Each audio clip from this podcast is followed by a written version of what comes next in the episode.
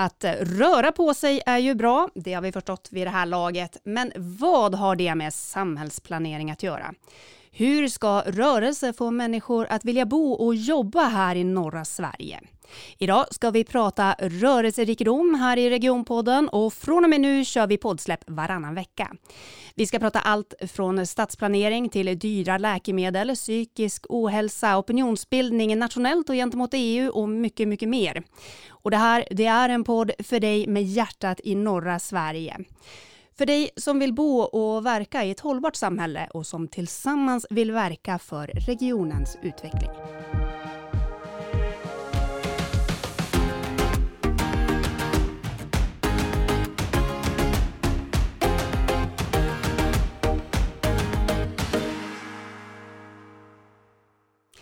Men idag ska vi alltså prata om rörelserikedom. Jag heter Elin Leonberg och med mig i studion har jag tre gäster med olika men mycket intressanta infallsvinklar. Det är Sandrine Rivoire, mark och exploateringsingenjör på Umeå kommun, Tom Englén från Change the Game och Thomas Hartman, chef för externa relationer och strategisk platsutveckling på Region Västerbotten. Välkomna! Tackar. Tack. Tom, du jobbar på Change the Game. Kan du bara kort förklara vad det är ni gör?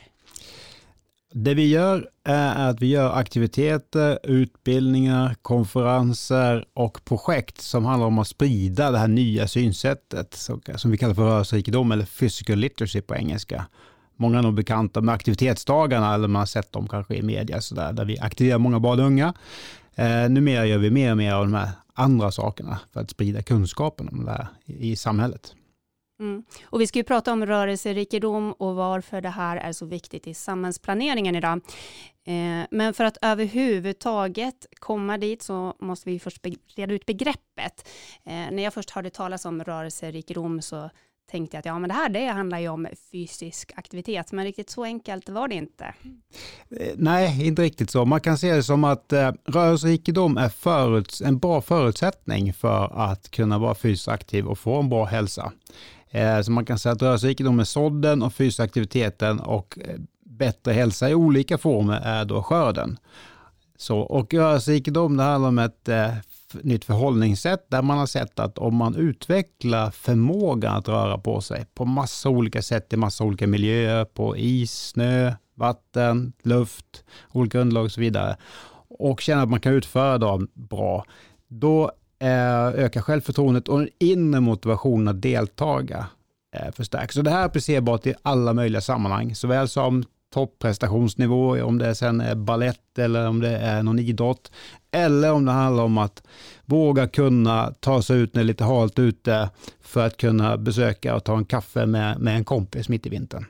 Men är det här någonting som riktar sig främst mot barn eller? Nej, det här eh, synsättet det kan man använda för att utveckla aktiviteter och miljöer för alla i alla möjliga sammanhang, för alla typer av målgrupper. Mm. Men varför är det här så viktigt då? Varför är det så viktigt att man utvecklar sin rörelserikedom? Eh, därför det, man har sett att om man utvecklar sin rörelserikedom, då är man mycket mer benägen att röra på sig. Eh, och man har sett också att, många har ju hört att man ska röra sig 60 minuter per dag, men det visar att det är en väldigt stor skillnad på vad gör du av de här 60 minuterna? För är det någonting som är roligt, mer meningsfullt och värdefullt, då kommer du få mycket mer eh, utbyte av det än att bara liksom starka hjärta, muskler och skelett. Du kommer också få massa inre förmågor som växer, psykiska, eh, psykisk och social hälsa. Mm, just det.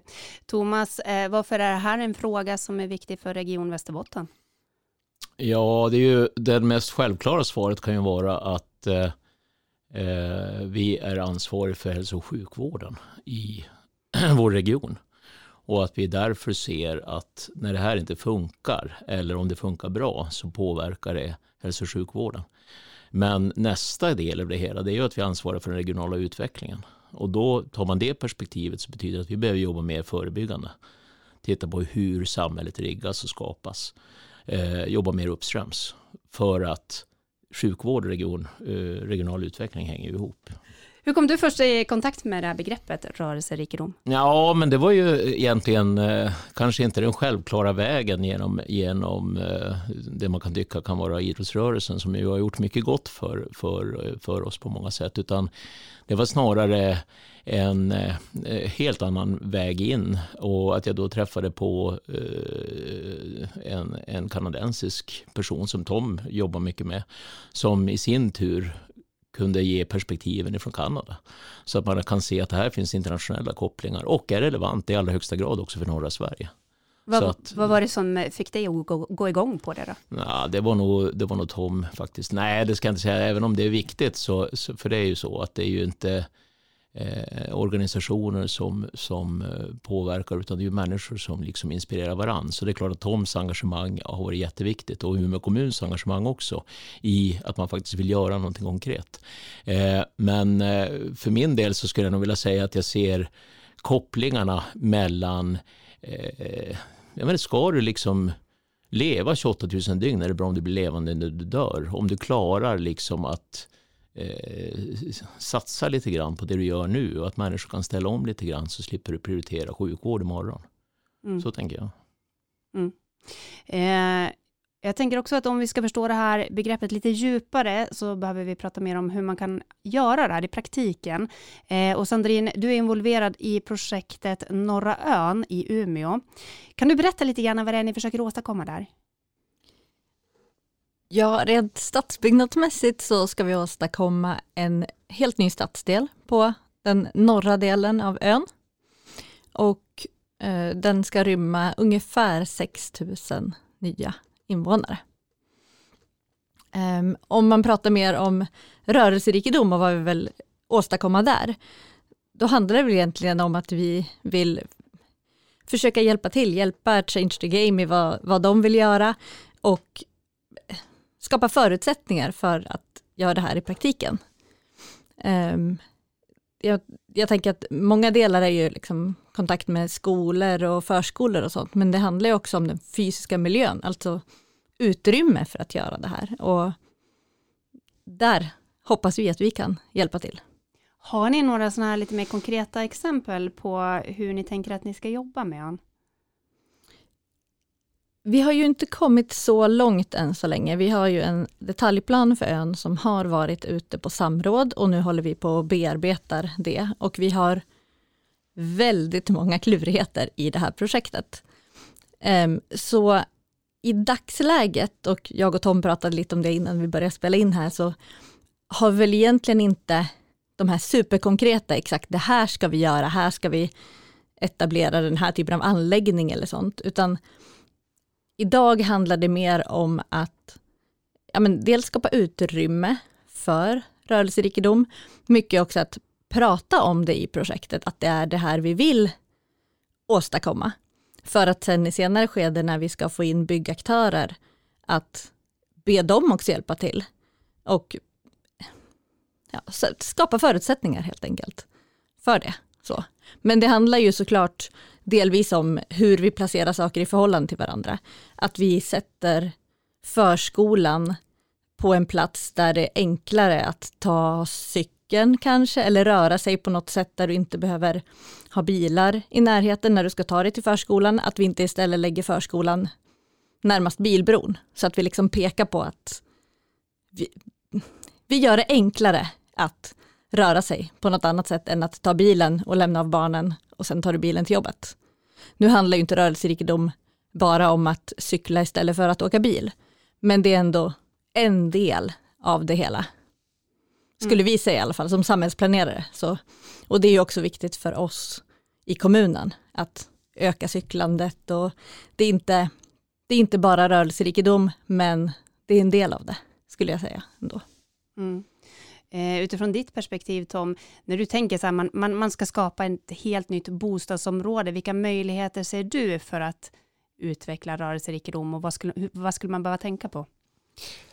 Ja, det vi har lärt oss och tagit mycket inspiration som Thomas var inne på då, från Kanada som är en av de länderna som är först ut med det här mindsetet när man utvecklar samhällen och verksamheter på olika sätt.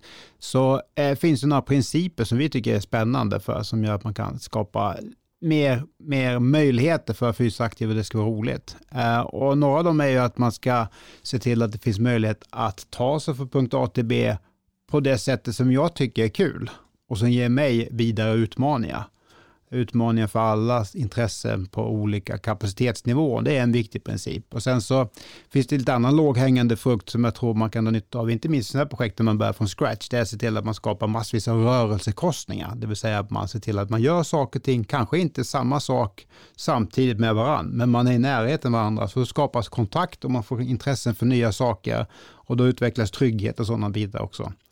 Sen en annan aspekt det är det här med risk.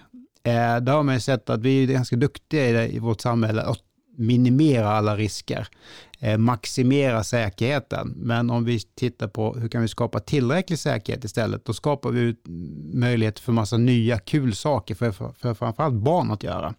Eh, typ, för man älskar ju när man kan komma upp lite grann på en höjd eller komma upp lite i hastighet eller få leka med lite farliga saker. Så att vi kikar på den risk och eh, gör en liksom, ny risk och värdebedömning utifrån hur man formar miljön. Det är några så tankar jag kommer på kopplat till stadsplanering och rörelserikedom. Ja, just det. Det låter ändå som en, eh, en ganska rolig utmaning att försöka eh, lösa det här och komma på idéer. Eller? Eh, ja, det tycker jag spontant att det är. Och det, det som är häftigt med rörelserikedom som, som jag ser det, det är ju att det är ju ingen, det är ingen verktygslåda låda som man får som säger att så här ska vi göra, utan det är mer ett mindset som gör att man tillsammans kan skapa nya, bättre, hållbara lösningar. Eh, som oftast inte behöver kräva massa pengar, inte alls, utan man kan i stor utsträckning använda det man redan har. Och det gör ju att det, handlar, det gör ju att det inte bara är sådana här stora nya projekt som ön som har råd att utveckla miljöer som är liksom, utveckla människors förmåga och lust att röra på sig, utan även i de sammanhang där vi för tillfället inte har några resurser alls, så går det väldigt bra med de här nya ögonen. Då. Kan du ge några exempel på det då? Eh, ja, det är ju att när man får de här nya ögonen så kan man ju se att eh, man behöver kanske inte köpa massa ny utrustning, utan man kan tillverka saker med det man redan har. Eh, och man kan också forma om miljöaktiviteter så att det blir mer Eh, bekvämt att delta. För rörelserikedom handlar lite grann om att utveckla sin rörelseförmåga. Och när vi utvecklar vår förmåga så måste vi fejla lite grann. Och fejla inför andra, det kan vara ganska obehagligt. Lite, och då slamsar man så skiter man i det. Eller väldigt mycket, då kanske det gör så ont som man aldrig vill göra det mer. Och det är ett typexempel, har man det med sig när man formar en aktivitet eller miljö, då kan man ju bara möblera om lite grann och designa om. Och det handlar ju inte om resurser i form av prylar eller pengar, utan mer hur man själv bara disponerar saker. Mm. Men eh, Sandrine, hur kom, eh, liksom, i din roll på Umeå kommun, hur kom ni i kontakt med det här och fick idén att ja, men det här ska ju vara en självklar del av norra ön? Ja, det var egentligen två saker som sammanföll ganska bra. Dels så var det jag och min projektledarkollega Anna Löfqvist som var på just en Change the Game-konferens. Um, och där var det ett pass som vi var på speciellt och som handlade om just utformning av offentliga miljöer, eller fysiska miljöer. Så. Um, och då, där blev vi väldigt inspirerade och vi insåg samtidigt att vi är nog de enda på just den här konferensen i alla fall från samhälls byggnadssidan, utan de flesta var ju från idrottsrörelsen eller från skola och så, så vi kände att hmm, vi, vi har nog en roll att spela här och vi borde ja, göra något mer aktivt i det här. Och samtidigt så var vi med i någonting som heter Samordning för bostadsbyggande och det var eh, regeringskansliet som hade en, det var en statlig utredning egentligen. Och en del i den här statliga utredningen, det var att de ville att vi skulle ha innovationsprojekt ehm, i olika stadsutvecklingsprojekt över hela landet egentligen. Och då bad de oss att, ja men kan inte ni komma med ett innovationsprojekt? Och det jag tror de förväntade sig då var nog egentligen något mycket mer sånt här äh, klassiskt miljöhållbart, ja, vad det nu kan vara, energi eller något sånt. Och vi kom med det här och de var väl lite skeptiska till en början och sa att ja, men vad, vad händer om vi tittar på då den här stora stadsdelen vi ska bygga, nästan från scratch, men ändå mitt i stan. Vad händer om vi tittar på den utifrån ett rörelserikedomsperspektiv och planerar för rörelserikedom? Och de blev ju superpeppade på idén sen när de väl förstod. De visste ju, det var förmodligen första gången de hörde talas om det också. Så det sammanföll ganska bra att det var så här, kom med ett innovationsprojekt och det här då, så då parade vi ihop det och sen har vi kört på det. Ja. Eh, vi ska prata mera om eh, vad det här betyder för ett eh, samhälle. Eh, och ni ska få måla upp en vision på eh, hur ett samhälle med rörelserikedom kan se ut. Men ni ska få fundera lite grann först. I staden där jag bor finns så många möjligheter.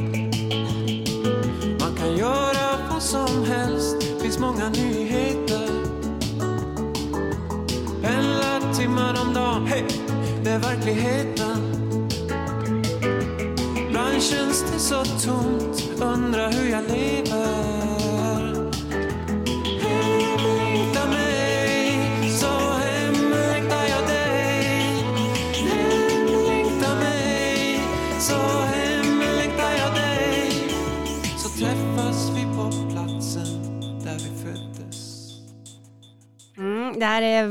Med låten Hemlängta. Jag tänker Thomas, vi börjar med dig. Eh, vad säger du, om du får drömma stort, hur ser ett samhälle ut där vi har lyckats åstadkomma rörelserikedom i våra bostadsområden och på våra gemensamma ytor? Ja, men jag tänker väl att vi behöver dra nytta av de erfarenheter vi har fått nu ifrån eh, pandemin. Det vi pratar att den, det har snackats mycket om digitalisering och vi har varit i framkant också i norra Sverige på det området och vi har och vi pratar om att vi har ett otroligt bra fibernät och, och så vidare. Men tjänsterna har ju lyst med sin frånvaro lite grann. Och jag kan tänka mig att det som hände som var, var väldigt positivt med, med pandemin i någon mening, var att det blev en skjuts och en acceptans för ett annat synsätt. Det finns ju alltid de som vill krama organisationen så tillvida, var du än jobbar någonstans, att man känner trygghet enbart ifall man har kontroll. Och det här ställde ju det på ända och gjorde ju, liksom öppnade upp för ett helt annat arbetssätt, en helt annan möjlighet. Och en helt annan möjlighet att kunna vara hållbar. Det ställer ju krav på eh, medarbetarna naturligtvis. Och hur gör du skyddsrond i en sån miljö? Och det är massor med frågor som vi har fått fundera över. Och, eh, och så. Men, men det öppnar ju upp också helt nya möjligheter med att kunna behandla avstånd, möten, människor på lika sätt. Eh, men också för mig att kunna vara mer med mina barn. Eh, vilket jag och många andra vill prioritera. Vi kommer inte vilja stoppa tillbaka den grejen i liksom eh, gå tillbaka till det som var tidigare. Och med den skjutsen som det blir, med de möjligheter digitaliseringen ger så förväntar jag mig egentligen att vi att vi går vidare på det spåret, att vi testar och att de här som vill tillbaka till det, det som varit tidigare förstår att vi kan göra något otroligt mycket skönare och bättre för, för alla som är mycket mer hållbart i ett samhälle där vi kan, där vi kan eh, ha våra möten på det där sättet eller kunna jobba på det där sättet och lita, bygga, bygga egentligen tillit i grunden. Så min vision handlar om det. Det handlar om en möjlighet för mig att kunna vara mer lokal i det jag gör. Eh, inte så att det är uteslutet, jag jobbar ju mycket med påverkan och påverkansfrågor. Och jag kan väl se att det finns brister i det här resonemanget som jag nyss gjorde, som till exempel handlar om att om jag vill eh, jobba med att försöka förändra en attityd och göra det med människor som jag inte känner sedan tidigare, så har jag en uppförsbacke. Jag behöver bygga relationen, det mänskliga mötet. Det har inte Zoom och Teams och allt vad det heter löst. Folk liksom, de säger att de vill ha den typen av möjligheter men de har inte det, de får inte till det riktigt. Det kommer jag, jag tror vi kommer att lösa det. Så vi, allting är inte liksom perfekt. Men där någonstans finns min vision för, för en framtid. Mycket starkare digitalisering, mycket mer av närvaro, lokalsamhälle och så vidare. Hur kopplar du det då till rörelserikedom? Ja, men jag tror att med det så får du också en vilja att börja eh, kanske leva på ett annat sätt. Att, eh, och det ställer om eh, val av fortskaffningsmedel, bilpooler, Eh, det vi har pratat om delningsekonomin. Det är många saker som har funnits tidigare i diskussion i samhället och som har prövats på lite olika sätt men som nu kan få möjlighet att falla på plats. Eh, så det handlar om konsumtion, det handlar om hållbarhet, det handlar om den planet vi lever på. Det handlar om den människa, den förälder du vill vara eller den människa du vill vara, hur närvarande du är eh, i det. Och det, då kan man inte leva på samma sätt som tidigare, det går inte. Du kan nå längre i ditt jobb och det du gör och kanske göra det på ett, på ett bättre sätt och på ett nytt sätt. Men, Men eh, jag förväntar mig att kunna göra det eh, nära min familj på ett annat sätt än vad jag kunnat göra tidigare. Men skulle det då kunna vara så att man, alltså att området man bor på, man har byggt in de här faktorerna som rörelserikedom då innebär, att, att det blir en plats att hämta energi på, är det det du menar och Ja. efter det? Ja, det blir ju så. Det, blir, det, blir, det finns mycket i det som vi tidigare har rusat förbi i ett samhälle som kanske inte har varit fullt lika intresserat av. Eh, man har pratat mycket om hållbarhet, man kanske inte har skapat det. Och jag tror att det människor har kunnat känna under den här perioden är ju att i det där lugnet så finns en annan energi. Men samtidigt så finns det ju risker i det där och som handlar om ensamhet och som handlar om så att det är inte liksom riskfritt på något vis. Men, men eh, jag tror det finns en enorm potential för ett varmare samhälle och bättre samhälle på det sätt som är mer hållbart. Mm. Vad säger ni, vad har ni för vision för ett samhälle där vi faktiskt har byggt in rörelserikedom? Hur ser det ut? Jo, men jag kan ju skriva under på mycket av det som Thomas säger. Att jag ser ju framför mig att vi, alltså vi kämpar ju hela tiden med när vi planerar nya stadsdelar, att vi vill ju att de ska, vi kämpar mycket med social hållbarhet till exempel. Vi vill att man ska känna tillit till sina grannar, man ska känna tillhörighet till platsen. Och det här att, att många människor i, i liksom närområdet rör sig ute på ett annat sätt och möts på ett annat sätt, det kan ju verkligen hjälpa till här. Sen handlar det också om om vi kan skapa miljöer där man kan röra sig och mötas och det också inte innebär en kostnad, så öppnar vi också upp för en massa fler personer att vara där. Och sen vill vi också skapa, just ön ligger ju så pass centralt att vi kommer ju, alla kanske inte kommer kunna bo på ön, men vi vill ju skapa en plats som hela, alla Umebor ändå känner att de är välkomna till. Och det kan vi också åstadkomma. Vi har många platser där man kan röra sig, det kostar ingenting, alla är välkomna. Och så att mycket så, sådana, den visionen. För det är, ju, det är ju alltid det man kämpar med, att det ska vara liv och rörelse, det ska inte vara en liksom, död stad på natten eller och trygghet. Eh, Jag tycker det svarar på väldigt många av våra utmaningar. Mm. Och Tom, jag tänker att du, du har funderat på den här frågan ganska länge i din roll. Eh, vad säger du? Spännande fråga. Eh, ja, men rörelserikdom i sammanhang här får man se mer som ett medel till att nå någonting större. Eh, och jag tänker det där större eh, tycker jag skulle kunna vara ett, ett samhälle där alla får samma förutsättningar och chans att skapa ett aktivt hälsosamt liv och nå sin fulla potential. Eh, och det är också där man ser de ledande forskarna, de som har skapat det här i grunden, ser att det är det som är Eh, det är det leder till om man utvecklar rörelserikedom. Både ur ett personligt perspektiv men också ur ett organisatoriskt perspektiv, skapa en verksamhet som främjar det, eller om man i ett samhälle skapar förutsättningar för att, eh, för att eh, organisationer och ledare och individer ska kunna utveckla de här bitarna. Så det är en del. Och i, i den visionen då ser jag ju framför mig en, en, en, eh, ett samhälle där oavsett var man bor i samhället så har man eh, liksom samma förutsättningar till ett aktivt hälsosamt liv och nå sin fulla potential. Och det är ju olika aspekter då, inte full potential som idrottare utan som människa helt enkelt. Ehm, eh, och där ser jag också att människor har då börjat samverka och dela ett synsätt och mindset. För att eh, det krävs ju liksom, vad är det man säger? It takes a community to raise a child. Så att man samverkar och har liksom samma, jag tror det är bara samma kompass och mindset när man då resonerar ihop sig eh, mellan sektorer. Ehm, eh, sådär. Och där tror jag att eh, de personer, för det finns ju väldigt många människor som är väldigt duktiga i olika sammanhang. Vi har fantastiskt duktiga idrottslärare, idrottstränare, eh, danspedagoger, eh, de som har hand om habiliteringen på reg- regionen och så vidare. Eh, men jag tror att alla måste se sig om och tänka, hur kan vi göra saker och ting ännu lite bättre? Eh, för jag tror det, att gå från good to great, jag tror det är otroligt viktigt att kunna göra de här små förändringarna, det kommer verkar kunna göra stor skillnad. Jag kan ta ett konkret exempel. En spontan idrottsarena, den, den är ju kul och det har varit en generallösning för, in på en skolgård. Och det aktiverar ju mer folk. Men där har man ju sett att det är 80-20 i könsfördelning, vilka som är där. Och förmodligen de som redan är bekväma med att och tycker det är kul att göra mål och kasta en boll i en korg som mest är där.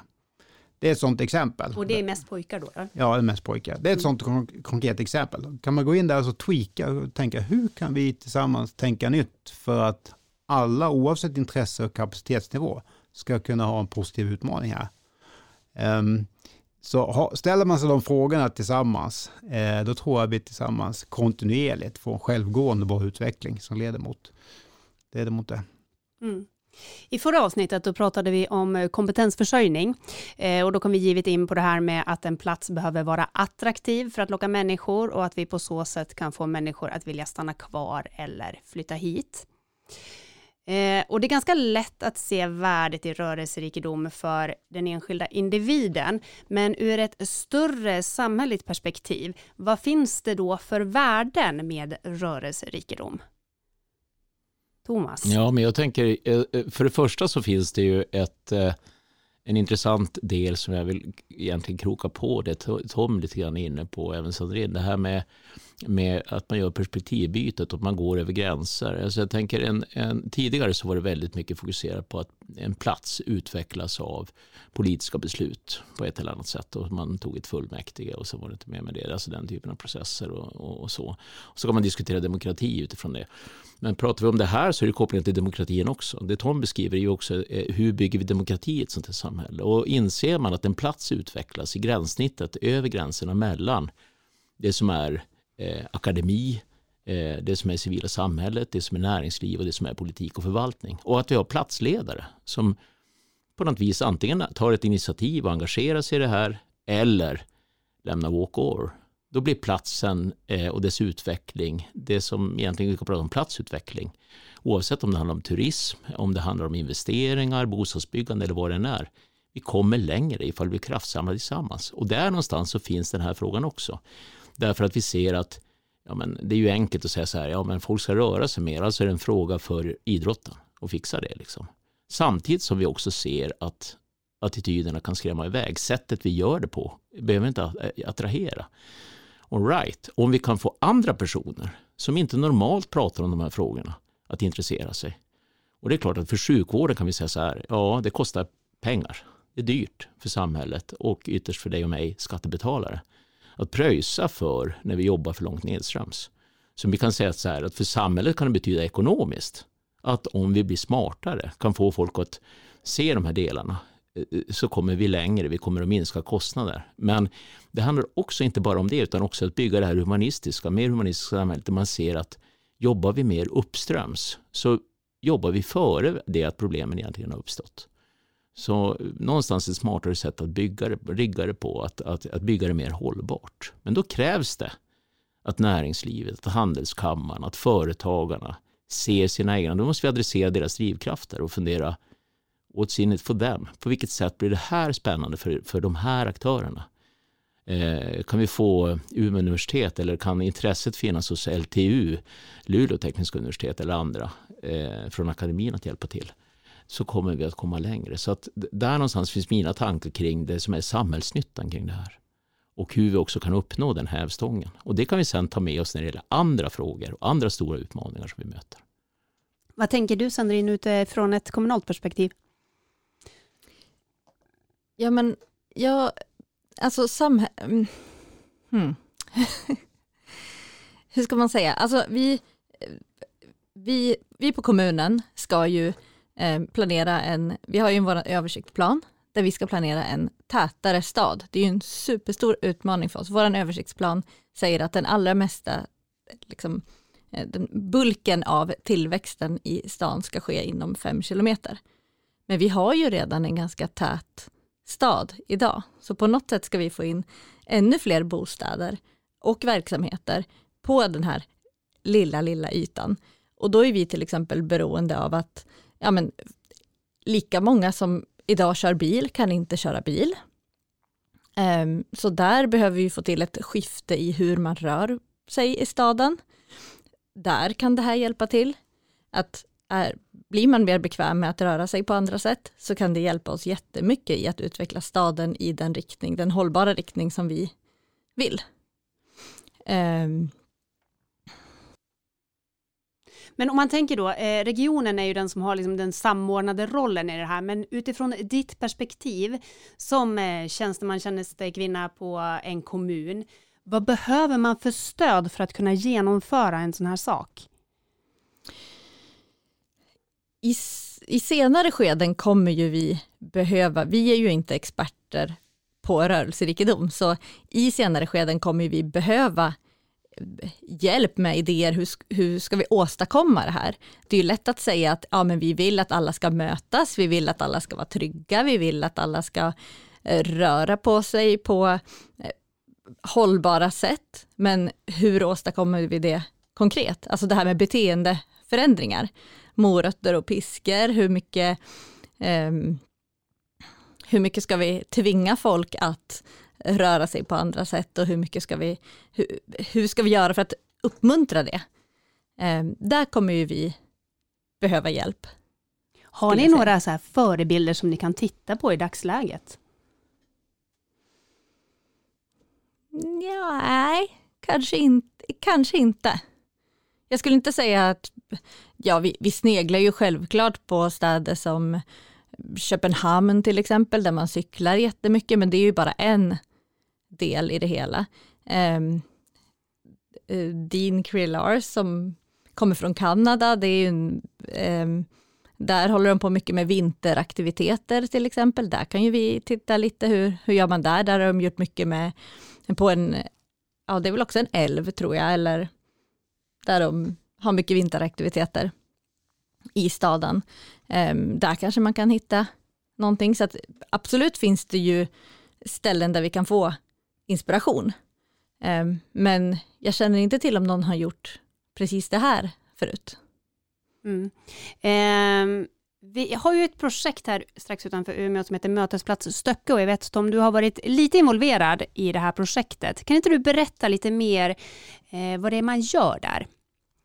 Det man gör där ute det är att skapa i grunden en ny idrottshall som har vuxit till att bli en mötesplats som har många fler funktioner. Eh, och det började med att man såg behovet av att det fanns ingen idrottshall där ute. Eh, sen så har ett gäng extremt duktiga, engagerade människor gått ihop och eh, skapat konceptet, anammat rörelserikedom på vägen och varit väldigt duktiga på att eh, få mer folk att engagera sig och få in resurser till det. Och så har man då, som man säger, man, den första anläggningen man bygger med rörelserikedom som kompass från grunden. Och kan du ge några exempel på hur man gör det här? Ja, det blir ju, den fysiska designen är ju, är ju en viktig del. Eh, I tillägg till det så kommer man också utveckla liksom verksamheten och utbilda personerna och utveckla kulturen så folk får mindsetet. För det vi har lärt oss och försöker lyssna in utifrån andra delar av världen, det räcker inte bara med platsen utan du behöver också utveckla programmen och personerna. Program, platser, personer. Så vi jobbar på alla de tre täterna.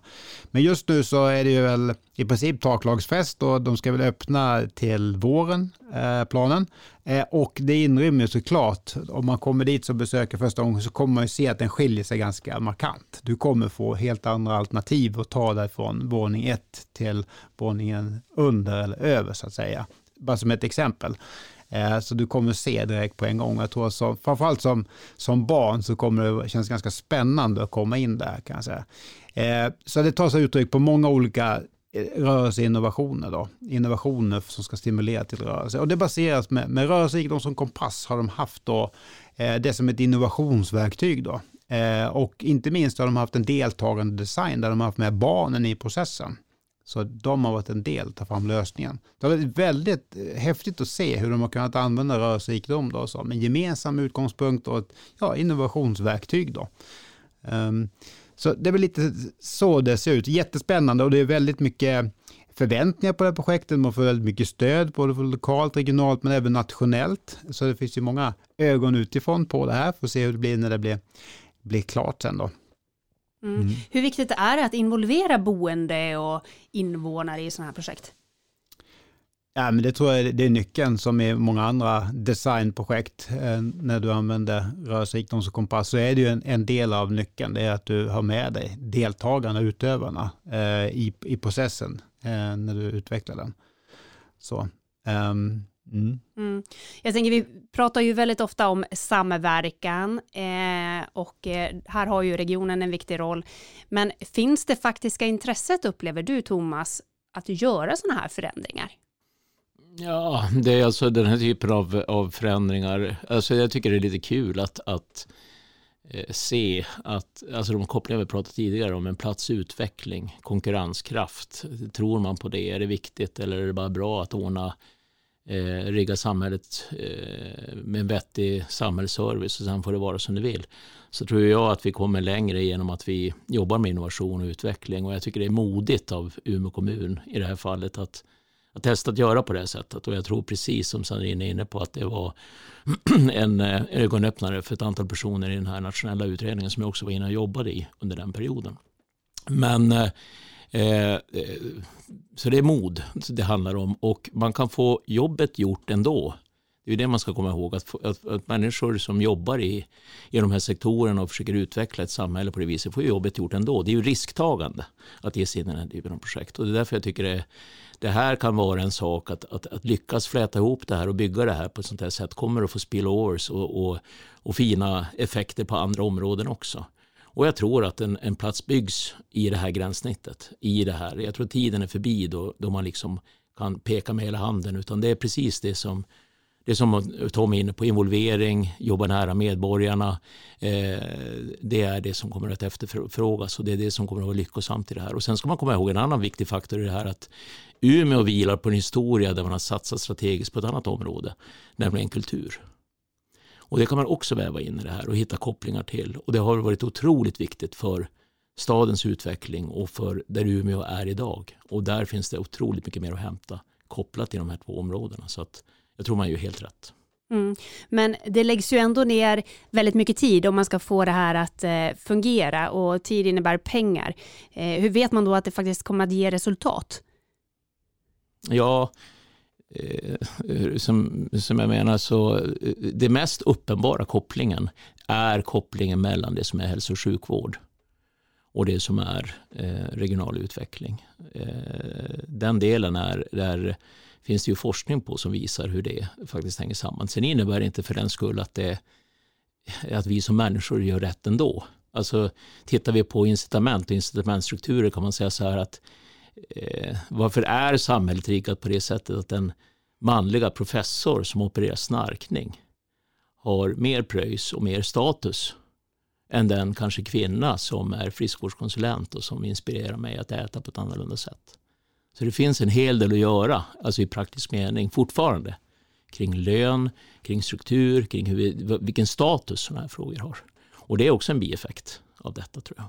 Mm, för jag tänker att i grund och botten så är vi ju människor ganska lata och vi är framförallt inte jättebenägna att ändra våra invanda beteenden för att det krävs mycket kraft och energi. Hur tänker du kring det Tom? Mm, ähm, ähm, ja, det är ju intressant. Eh, jag tänker på ett olika saker. Det ena är ju eh, det vi har sett under pandemin när man har tittat på eh, ja, våra mobiloperatörer skickar ut data kring hur folk rör på sig, så ser man att man, man, man rör på sig mer, nu, för nu måste man, man kan inte umgås på något sätt, att man ger sig ut och så vidare. Det verkar dock som att de som är mest benägna att göra det, det är de som redan är liksom, där att förstå och ta ansvar för att man ska ha ett aktivt liv. Men soffpotatisarna då kanske inte har gjort så mycket. Eh, så det, det, är ju en, det är en anledning till att vi måste nog tänka på ett annat sätt, ett nytt sätt för att liksom få med oss allihopa. så det är min tanke kring det. Mm.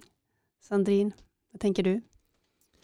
Jag tänker att vi har ju ändå ett litet fönster när vi bygger något nytt och när folk flyttar till en ny stadsdel. Man kan ju vara lite, nu är inte jag beteendevetare överhuvudtaget, men man kan ju vara lite mer benägen att göra lite förändringar samtidigt som man flyttar till exempel.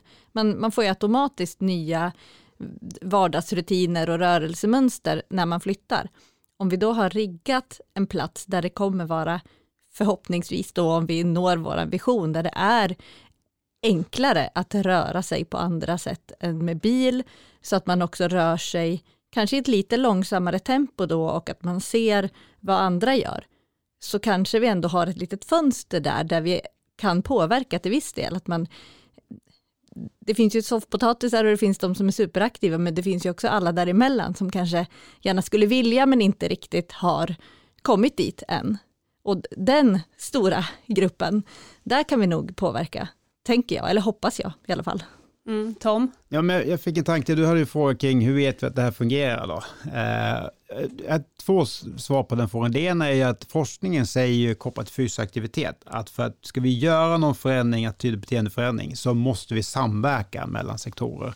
Och där ser vi att rörelserikedom, både på andra ställen i världen men även här lokalt, när vi började prata rörelserikedom, då var det fler som kom till bordet och vi kunde börja samverka. Och det är ju en uppenbar resultat eh, tack vare rörelserikedom. Då. Eh, sen så kopplat till motivation, eh, som ju ofta man pratar om när det gäller fysisk aktivitet. Hur ska vi peppa? Det är mycket peppsnack i samhället. Eh, och, och, när man börjar kika närmare på motivation så ser man att det är den inre motivationen som vi måste göda på något sätt. Och eh, som en psykolog sa som kom fram på en workshop vi hade i Stockholm för några år sedan efter den här kanadensaren har haft en, eh, ett par hundra stycken från skolan där i en workshop på Eriksdalshallen så kom hon fram efter och sa, sa hon så här, this was the best implementation I ever seen of self-determination theory. Det vill säga, det är det det handlar om, det här eh, konceptet, förhållningssättet, det är att man skapar förutsättningar för att man liksom ska känna att man är delaktig, att man har valmöjligheter, alltså autonomin, ja, såklart som vi pratade om innan, att man utvecklar sin, känner att man utvecklar sin förmåga och sen inte minst samhörigheten. Då. Den sociala komponenten är ju liksom otroligt viktig. Eh, att man får göra saker och ting tillsammans, men kanske också inte bara göra, det är ju fint nog, liksom ut och ta en promenad ihop, det är jättetrevligt. Men kan vi dessutom få en kreativ utmaning, kan vi göra det här på ett nytt sätt och lösa det på ett sätt som bara du och jag bestämmer, då blir det ännu roligare. Och, och då har man sett att det där mindsetet, det ger en mycket högre färdighetsinlärning, det är mycket roligare, eh, kan appliceras på små barn, appliceras hejdlöst numera bland de som försöker jaga Champions League-titlar och medaljer i till exempel fotbolls-EM VM. De har anammat det här eh, perspektivet. Då. Men eh, ja, så att eh, motivation, det, det är viktigt och där kan rörelserik vara ett väldigt ypperligt verktyg för att skapa. Mm, Thomas? Jag tänker också på, att gå tillbaka till den organisation jag är verksam till och uppdraget som handlar om hälso och sjukvård men också regional utveckling. Okej, okay, vi behöver fläta ihop det här, bli mer intelligenta i hur vi jobbar samman. Eh, ett konkret exempel, vad kostar inte all medicin eh, som vi trycker i våra äldre, som vi använder mot depression, mot psykisk ohälsa, det är klart att det kan eh, i många sammanhang vara nödvändigt att medicinera och hitta det. Men samtidigt vet vi att det finns forskning som pekar på att, att eh, vad gäller depression exempelvis, att rörelse är nog så bra om inte bättre. Och om vi kan omsätta det i teorin i form av praktisk handling så att, så att vi ser att det, det i sådana här sammanhang, då har vi också eh, rena pengar att hämta. Läkemedelsindustrin kan då fokusera på att göra lite andra grejer som vi också har noterat att vi behöver. Mm. Eh, vi spelar in det här avsnittet dagen innan konferensen Change the Game 2021 eh, går av stapeln. Vad är det ni vill uppnå med en sån här konferens, Tom? Ytterst det vi vill göra det, det är att eh, få ledare i samhället att rusta dem ännu mer med det här mindsetet, med de här insikterna som ligger bakom eh, inuti det här rörelserikedom, eller physical literacy som vi kallar det på engelska då. Uh, för vi vet att rustas ledare med det så kommer de göra fantastiska saker. De kommer få nya perspektiv uh, och kommer göra ännu bättre, än, ännu bättre lösningar. Så det, det är grunden det vi vill uppnå. Mm. Eh, och om man lyssnar på den här podden eh, långt i efterhand, som många faktiskt kommer att göra, finns det någon möjlighet att ta del av vad som har sagts under den här konferensen då? Ja, det kommer jag. Dels kommer själva konferensplattformen vara eh, öppen för deltagarna i tre veckor framöver. Sen en del av prestationerna eh, kommer vara tillgängliga senare. Eh, vi har ju faktiskt kanske tre, fyra toppnamnen i världen med på konferensen här. Hon som har skapat hela konceptet, Margaret Whitehead, ehm, hon är så pass till åren kommen så att hon, var, hon berättade att hon var i Umeå 1956, men fortfarande väldigt vital och börjar nu se eh, såklart väldigt nöjd att se hur hennes koncept anammas allt snabbare runt om i världen. Hon är med oss eh, och sen har vi några av de ledande forskarna och programmakarna runt om i världen också. Så mycket, mycket värdefullt användbart innehåll tror jag, vågar jag lova. Oavsett vad man är, för, vad man är i samhället. Om man så är kommunalråd eller om man är idrottstränare eller pedagog eller förälder. Spännande, då hoppas vi att eh, de kommande dagarna blir både lärorika och inspirerande för er och för alla inblandade. Eh, och att man kanske får likasinnande att bolla lite idéer med och utbyta erfarenheter med. I nästa avsnitt då ska vi prata om avancerade och innovativa läkemedel till patienter med sällsynta och svåra sjukdomar. Det handlar om nya och effektiva behandlingsmöjligheter men som samtidigt är väldigt dyra. Hur ska man egentligen tänka och prioritera i en ekvation som helt enkelt inte går ihop? Eh, och om du som lyssnar har frågor, funderingar eller inspel som du gärna vill att vi tar upp i det här avsnittet, tveka inte att höra av dig. Du hittar kontaktuppgifterna i poddbeskrivningen. Sandrine, Tom och Thomas, eh, stort tack för att ni kom hit idag och delade med er och stort tack till alla ni som har lyssnat.